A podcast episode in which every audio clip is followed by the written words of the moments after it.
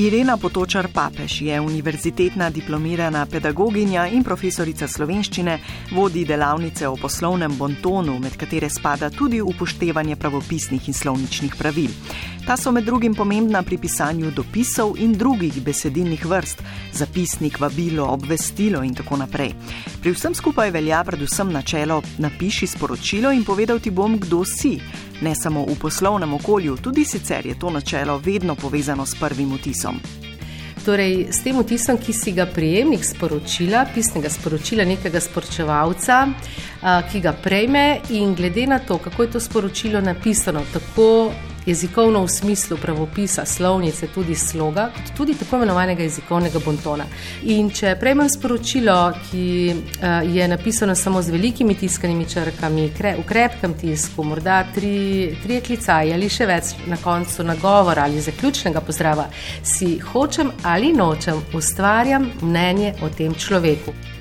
Vsak komunikacijski proces, ki seveda ni na ravni neformalnega, neuradnega, zasebnega okolja, bi morali vstopiti odgovorno, poudarja sogovornica, tudi z vidika rabe jezika. Ne glede na to, ali gre za dolgo elektronsko sporočilo ali zgolj dva stavka v nekem obvestilu.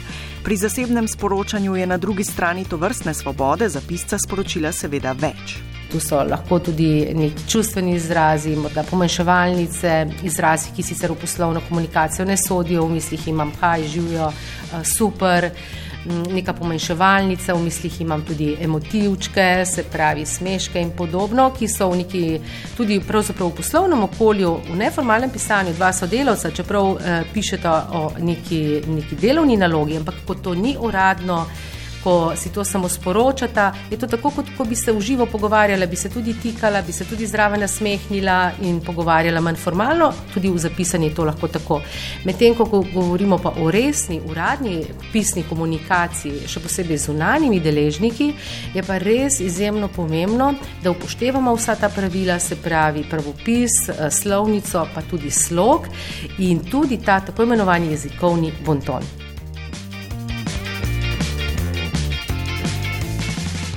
In če se tokrat osredotočimo samo na zadnji del takšnih uradnih dopisov, vabil prošen, torej na zaključni pozdrav in podpis, kakšna pravila veljajo tukaj? Pravilo, ki ga bom sedaj razložila, velja pravzaprav tudi za klasično pisanje dopise. Edino razlika je ta, da je pri klasičnem dopisu tudi lastnoročni podpis, ki ga praviloma v elektronski vizitki ni. Ena možnost je, da je najprej uh, navedena funkcija in spodaj ime in priimek, recimo primer Višja svetovalka in spodaj Jana Novak. Podpisi grejo v kategorijo tako imenovanih javnih napisov, kar pomeni, da se vedno začne prva beseda z veliko začetnico. Torej, če je tak vrstni red, više svetovalka in spodaj Jana Novak, više z veliko, potem je pomembno, kar tudi vidim, je pogosta napaka, na koncu te, na prve vrstice, torej te funkcije, ni dvopičja. Tudi če bi vodoravno pisali, više svetovalka Jana Novak je sporočila to in to, ne bi naredili dvopičja. Se pravi, više svetovalka spode ime in priimek. V tem primeru se ona dobesedno podpiše, torej spodaj, ker je to bliže imenu in priimku. Pri tem ne smet, to je tudi razlika od nekdaj, ne smet ta lastnoročni podpis čez natipkano, včasih je pa moral iti. Če torej ne gre za elektronsko sporočilo in se na koncu tudi lastnoročno podpišemo, pazimo, kje to naredimo in pri tem, pa udarja sogovornica, vedno uporabimo modro barvo. Zdaj, če grem malo bolj podrobno v ta podpis, še vedno sem pri tem istem vrstnem redu, više svetovalka Jana Novak. Če ima ona znanstveni naziv, zakon o znanstvenih in strokovnih nazivih o tem natančno govori, to pišemo, uporabljamo spredaj, pred imenom in priimkom. Torej, više svetovalka, recimo, da je doktorica znanosti, torej spodaj DR, prespika presledek Jana Novak. V tem primeru je ta DR z malo, ker je v besedi višja, začetek mojega, bom rekla v narekovajih, javnega napisa. Če je to obratno vse, kar je tudi možno, torej Jana Novak in spodaj više svetovalka, torej Jana Novak, potem vejca in spodaj z malo više svetovalka. Zakaj vejca? Tudi če bi pisala vodoravno Jana Novak in naredila vejco, više svetovalka vejca in naprej je sporočila to in to. V bistvu se v tej vejci za prijimkom skriva prilastko odvisnik Jana Novak, ki je višja svetovalka. Torej, tukaj se zdaj velika začetnica, če to neke vrste javni napis skriva v imenu Jana in to vemo. Če je ona doktorica znanosti, kot smo, kot smo prej rekli, torej pred imenom ta DR okrajšava, ampak z veliko začetnico. To je tudi pogosta napaka, ker je to ta začetek, DR, pika, presledek, Jana Novak, vejca in spodaj z malo, više svetovalka.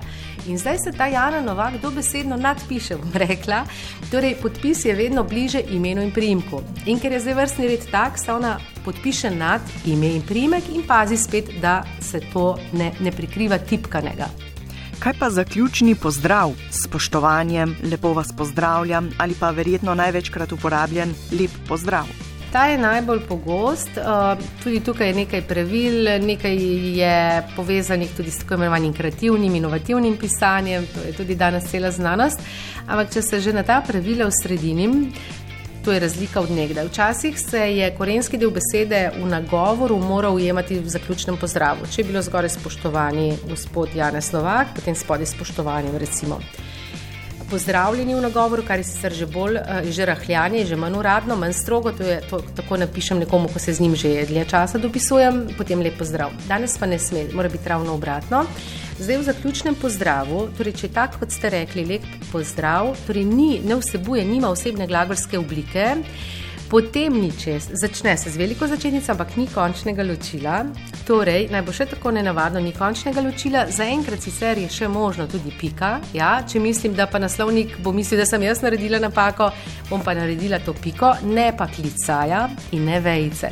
Klicaj nasploh um, se odsvetuje v poslovni komunikaciji, klicaj ima izjemno negativno moč.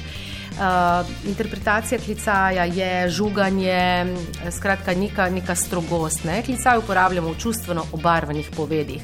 Tako da, če je brez osebne glagolske oblike, bom rekla brez glagola, potem ni česar oziroma pika.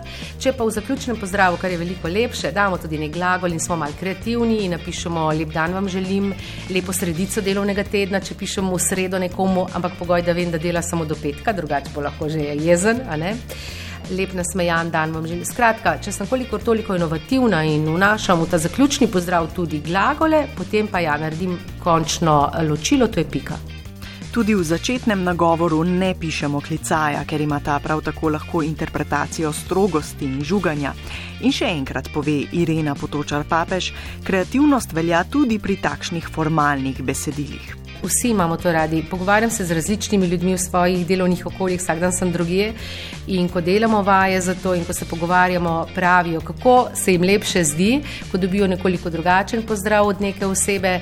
Na nek način je to tudi sporočilo, poglej, zavestno eh, dela, ve, kaj dela, ve, da meni piše, torej ni to eh, tisto vsem enako ali pa morda celo kopiranje, ampak eh, ker lahko v ta zaključni pozdrav tudi povežemo nekaj ali s časom časom ali z nekim prihajajočim dnem, praznikom, dogodkom te osebe ali z njihovo dejavnostjo, storitvami, izdelki. Skratka, lahko smo zelo inovativni.